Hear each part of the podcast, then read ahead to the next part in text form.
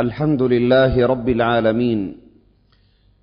اللهم لك الحمد حمدا خالدا مع خلودك. ولك الحمد حمدا لا منتهى له دون علمك. ولك الحمد حمدا لا منتهى له دون مشيئتك. ولك الحمد حمدا لا أجر لقائله إلا رضاك. والصلاة والسلام على المبعوث رحمة للعالمين سيدنا محمد وعلى آله وأصحابه ومن تبعهم بإحسان إلى يوم الدين.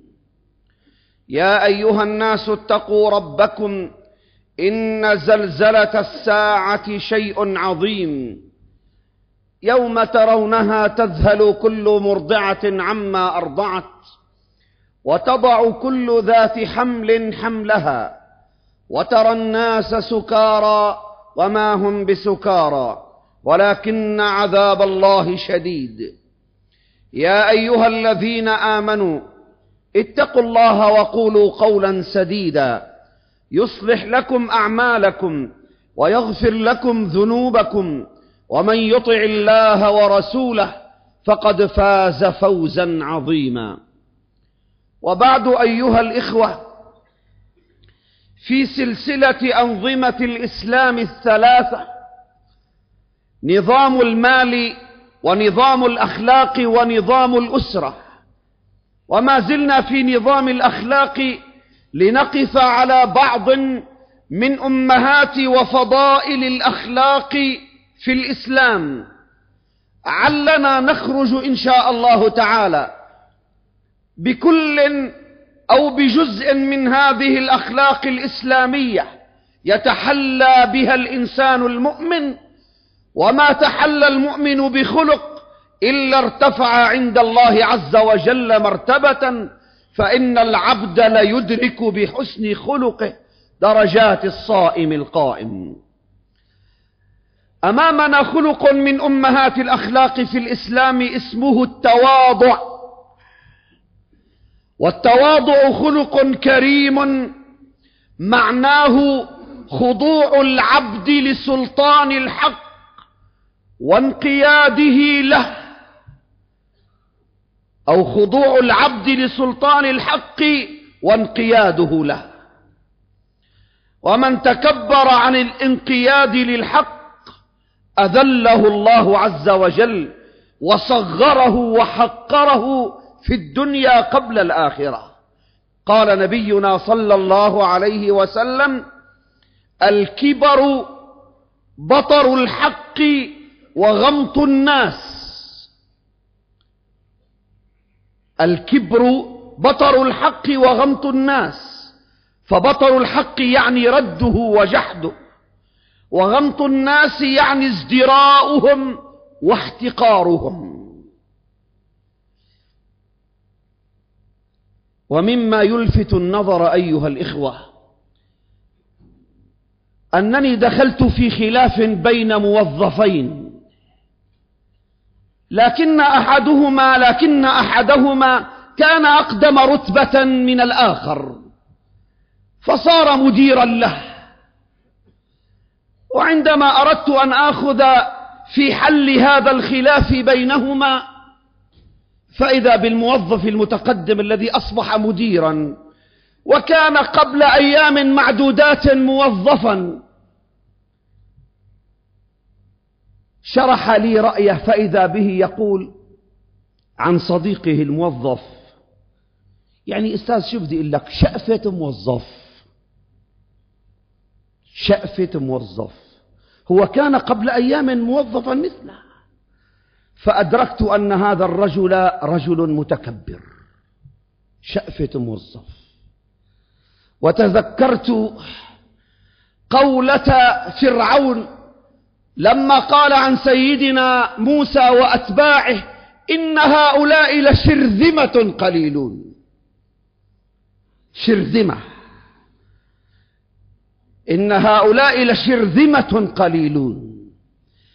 الكبر بطر الحق وغمط الناس.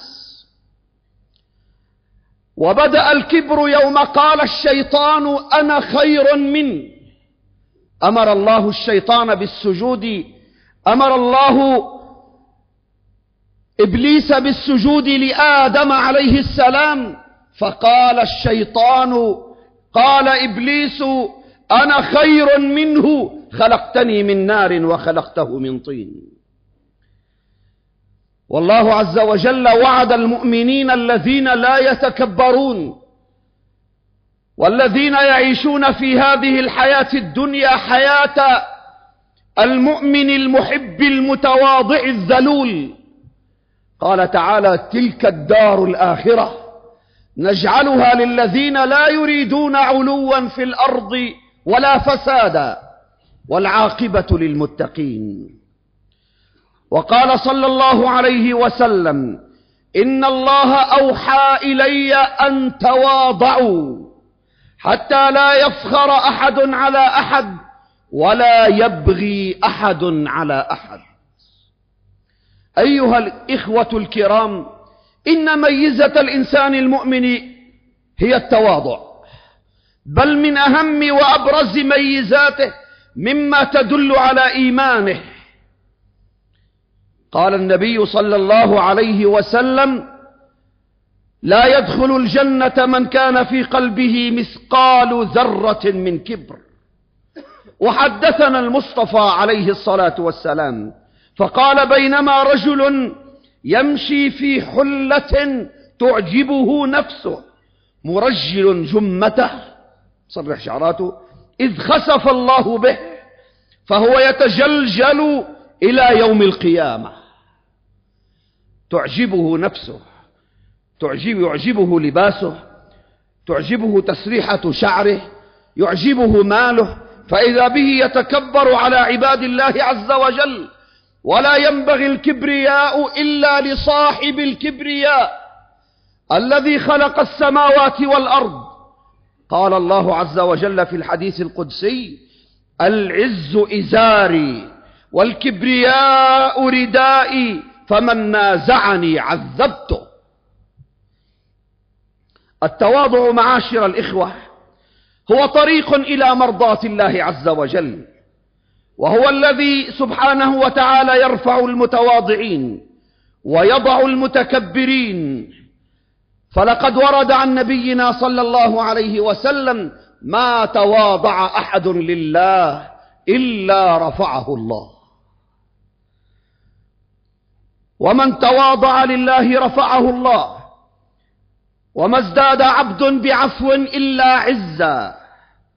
كان صلى الله عليه وسلم مثال التواضع. هل في الخلق مرتبة أعلى مرتبة محمد رسول الله صلى الله عليه وسلم؟ لا. كان صلى الله عليه وسلم مثال التواضع. يمر على الصبيان فيسلم عليهم. وإذا كان في بيته كان في خدمة أهله. يخصف نعله ويرقع ثوبه ويعلف ويعلف بعيره ويأكل مع الخادم ويجالس المساكين ويبدأ من لقيه بالسلام. كان صلى الله عليه وسلم يجيب دعوة العبد ويشهد الجنازة ويركب الحمار. وكان عند العرب قديما الرجل ذو الشأن لا يركب الحمار يركب الفرس. كان عليه الصلاة, يس عليه الصلاة والسلام يركب الحمار بدون سرج. تواضعا لله سبحانه وتعالى. كان عليه الصلاة والسلام هينا لينا كريم الطبع جميل المعاشرة طلق الوجه بساما. هكذا كانت أخلاقه في تواضعه صلى الله عليه وسلم.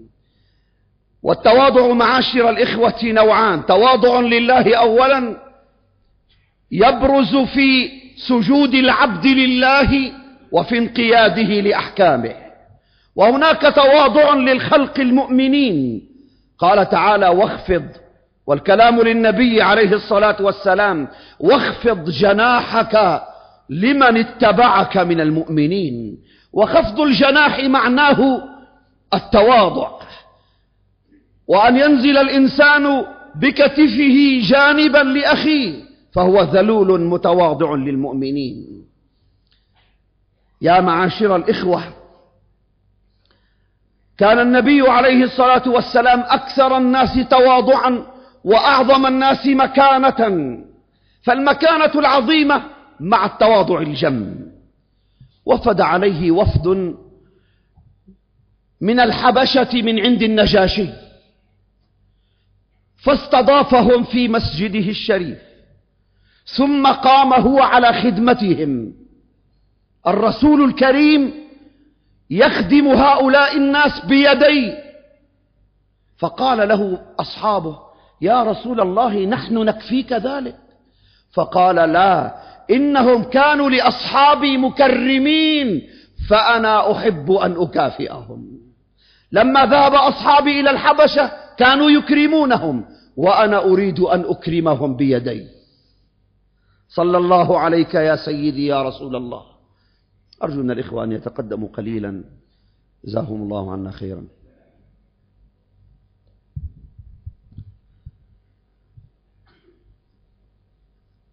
معاشر الإخوة الكرام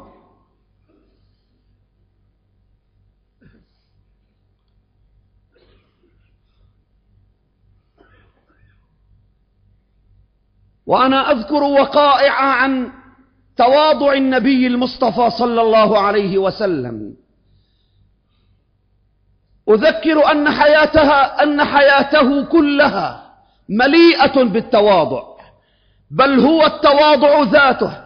بل لو كان التواضع رجلا لكان محمدا رسول الله صلى الله عليه وسلم. أتاه رجل فكلمه أتاه أعرابي فكلم النبي صلى الله عليه وسلم فارتعدت فرائصه. فقال له النبي عليه الصلاة والسلام يا هذا هون عليك إني لست بملك إنما أنا ابن امرأة كانت تأكل القديد بمكة. أمي امرأة فقيرة أنا رجل مسكين أنا من عائلة بسيطة إنما أنا ابن امرأة كانت تأكل القديد بمكة. عندما سئل الفضيل بن عياض رضي الله تعالى عنه ورحمه الله سئل عن التواضع فقال أن يخضع العبد للحق وأن ينقاد له وأن يقبله مما قاله. أن يقبله ممن قاله. ولا ينبغي بالإنسان معاشر السادة أن يتكبر وهو الذي يمتلئ بالضعف من مفرق رأسه إلى أخمص قدميه. مهما كان يملك من مال ومهما كان معه من جاه ومهما كان في هذه الحياة الدنيا من ذوي الشأن والرفع. مما يذكر في كتب السير أن سيدنا علي بن أبي طالب كرم الله وجهه. كان في يوم وقد عين واليا على مكان ما على قرية ما على مدينة ما. عين واليا. يمشي سيدنا علي في الطريق والدنيا ليلا فإذا به يصطدم بهذا الوالي. الذي عينه هو لكن لا يعرف أن الذي اصطدم به هو سيدنا علي. فقال له هذا الوالي ألا تعرفني من أنا؟ ما بتعرف مع مين؟ اصطدمت مع مين عم تحكي؟ وسيدنا علي لم يره في الليل. قال له بلى أعرفك حق المعرفة. بعرفك تمام. قال من أنا؟ قال أولك نطفة مذرة وآخرك جيفة قذرة وأنت بين ذلك تحمل العذرة. هذا حال كل إنسان أيها الإخوة. هذا حال جميع الناس. فكيف يتكبر الإنسان؟ ورحم الله الشاعر الذي يقول يا مظهر الكبر إعجابا بصورته. انظر خلاك فإن النتن تثريب. لو يعلم الناس ما في بطونهم ما استشعر الكبر شبان ولا شيب. هل في المرء مثل هل في المرء مثل الرأس مكرمة وهو بخمس من الأقذار مضروب؟ أنف يسيل وأذن ريحها سهك والعين مرفضة والثغر ملعوب. يا ابن التراب ومأكول التراب غدا أقصر فإنك مأكول ومشروب. يا ابن التراب ومأكول التراب غدا أقصر فإنك مأكول ومشروب. إن أقبح شيء في الإنسان أن يتكبر وهو ممتلئ بالعيوب والنواقص والضعف. وذكر سيدنا لقمان ابنه ألا يتكبر فقال ولا تصعر خدك للناس ولا تمشي في الأرض مرحا. إن الله لا يحب كل مختال فخور. واقصد في مشيك واغضب من صوتك. إن أنكر الأصوات لصوت الحمير. إن ميزة المؤمنين أيها الإخوة أنهم يسيرون على الأرض هونا. هم غير متكبرين هم غير متعالين على خلق الله عز وجل. هكذا شيمة الإنسان المؤمن هكذا شيمة الإنسان الذي يعرف ما له وما عليه أنه مهما علا ومهما ملك ومهما بلغ مرتبة فإنه عبد لله عز وجل هو أخ لإخوانه المؤمنين. معاشر السادة مر الحسن البصري يوما فإذا بصبيان يأكلون وليس أمامهم إلا خبز فدعوه ليأكل معهم. وهو الحسن البصري سيد التابعين وأكبر عالم في زمانه فجلس يأكل معهم فأكل معهم لقيمات ثم دعاهم فاستضافهم في بيته فأطعمهم وقدم لهم طعاما وشرابا ثم دعا لهم بكسوة فكساهم ثم قال هؤلاء لهم الفضل علي هم لا يجدون ما يأكلون إلا الخبز وآثروني على أنفسهم وأنا أجد غير ما قدمته لهم فالفضل بعد الله لهم. رضي الله عن هؤلاء العلماء الصالحين. وليتعلم كل واحد منا أيها الإخوة كيف يتعامل مع من حوله. فلا يتكبر الكبير على الصغير ولا المدير على الموظف ولا صاحب العمل على أي عامل من عماله فقد يكون هذا العامل خيرا عند الله منه. إن ميزة المؤمن هي التواضع الجم الذي يعيش فيه بين الناس كما عاش المصطفى صلى الله عليه وسلم. هذا أبو هريرة رضي الله تعالى عنه حافظ حديث المصطفى صلى الله عليه وسلم. ومن أكثر الناس رواية عن حبيبنا محمد صلى الله عليه وسلم. يولى إمارة يصبح أميرا. فيحمل حزمة الحطب على ظهره. أمير. والي يحمل حزمة الحطب على ظهره. ثم يقول للناس في الطريق طرقوا للأمير. بعد طرقوا للأمير. والأمير يحمل حزمة الحطب. وهذا لا ينقص قدره عند الله. بهذا أيها الإخوة سادت أمة الإسلام. بهذا سادت أمة الحبيب محمد صلى الله عليه وسلم. وبينما يعلم أبو معاوية الضرير يعلم أولاد هارون الرشيد هو معلمهم ومؤدبهم وهو ضرير لا يرى بعينيه. أكل عند هارون الرشيد طعاما ثم قام يغسل يديه فإذا بهارون الرشيد يصب له الماء. هارون الرشيد. قال للغمامة أمطري حيث شئت فإن خراجك عائد إلي.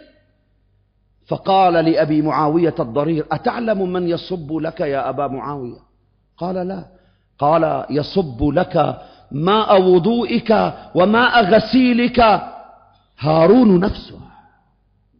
تواضعا مع الرجل العالم الذي يعلم أولاده. يصب له الماء.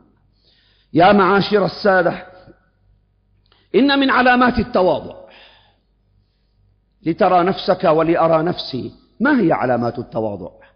علامات التواضع أن تبدأ بالسلام من لقيت. أنت ماشي بالطريق وجدت إنسان تعرفه. تقول والله أنا ما بسلم ليسلم لا. هذا من علامات الكبر. من علامات التواضع أن تبدأ أنت أولا بالسلام. من علامات التواضع ألا تتأنف عن الجلوس والطعام مع الفقراء والمساكين. هؤلاء عمال عندي أنا أجلس أكل معهم مو عيب أنا أكل مع الخادمة في البيت مو عيب لا ليس عيبا. كان سيدك محمد صلى الله عليه وسلم يأكل مع العبد. قلت مرة لرجل هذا السائق يقف هنا أجلسه معنا. قال لا السائق غير مستواه. وليست جلسة رسمية قال السائق غير مستواه أيها الإخوة الأكارم ما تواضع عبد لله إلا رفعه وما تكبر عبد على عباد الله إلا وضعه.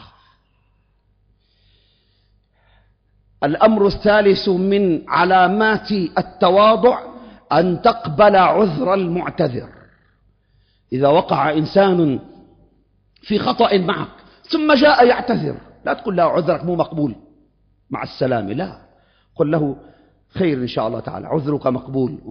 ولو أردت أن لا تعامله لا تعامله اقبل عذره. فإذا لم تقبل عذره ورددته فهذه علامة من علامات الكبر. معاشر الإخوة على الإنسان أن يكون متواضعا يكن كالنجم. ولا يكون متكبرا ولا يكن متكبرا. فيكون هذا الإنسان كالدخان يعلو في السماء وهو وضيع. وأقبح شيء أن يرى الإنسان نفسه رفيعا وهو عند العالمين وضيع. تواضع تكن كالنجم لاح لناظر على طبقات الماء وهو رفيع. ولا تك كدخان يعلو بنفسه على طبقات الجو وهو وضيع. إن ربنا عز وجل معاشر الإخوة يعلمنا كيف يكون التواضع. فاقرأ الحديث القدسي. عبدي مرضت فلم تعدني قال يا رب كيف أعودك وأنت رب العالمين؟ قال أما علمت أن عبدي فلانا مرض ولو عدته لوجدتني عنده. ألم تقرأ الحديث القدسي؟ عبدي وحقي إني أحبك. فبحقي عليك كلي محبة. ألم تقرأ قبل قوله تعالى من ذا الذي يقرض الله؟ يقرض الله. الله بحاجة إلى قرض. وهو الذي أعطانا كل شيء. من ذا الذي يقرض الله قرضا حسنا؟ فيضاعفه له أضعافا كثيرة. ألم تقرأ قبل قوله تعالى وإذا سألك عبادي عني فإني قريب؟ الله يعلمنا كيف نكون متواضعين فهو رب العزة تبارك وتعالى. هكذا يعامل خلقه. فكيف تعامل إخوانك من المؤمنين؟ معاشر الإخوة التواضع سمة من سمات المؤمنين. هو قبول الحق ممن كان وعدم احتقار الناس وازدرائهم فالكبر بطر الحق وغمط الناس. اللهم اجعلنا من الذين يستمعون القول فيتبعون أحسنه. أقول قولي هذا وأستغفر الله.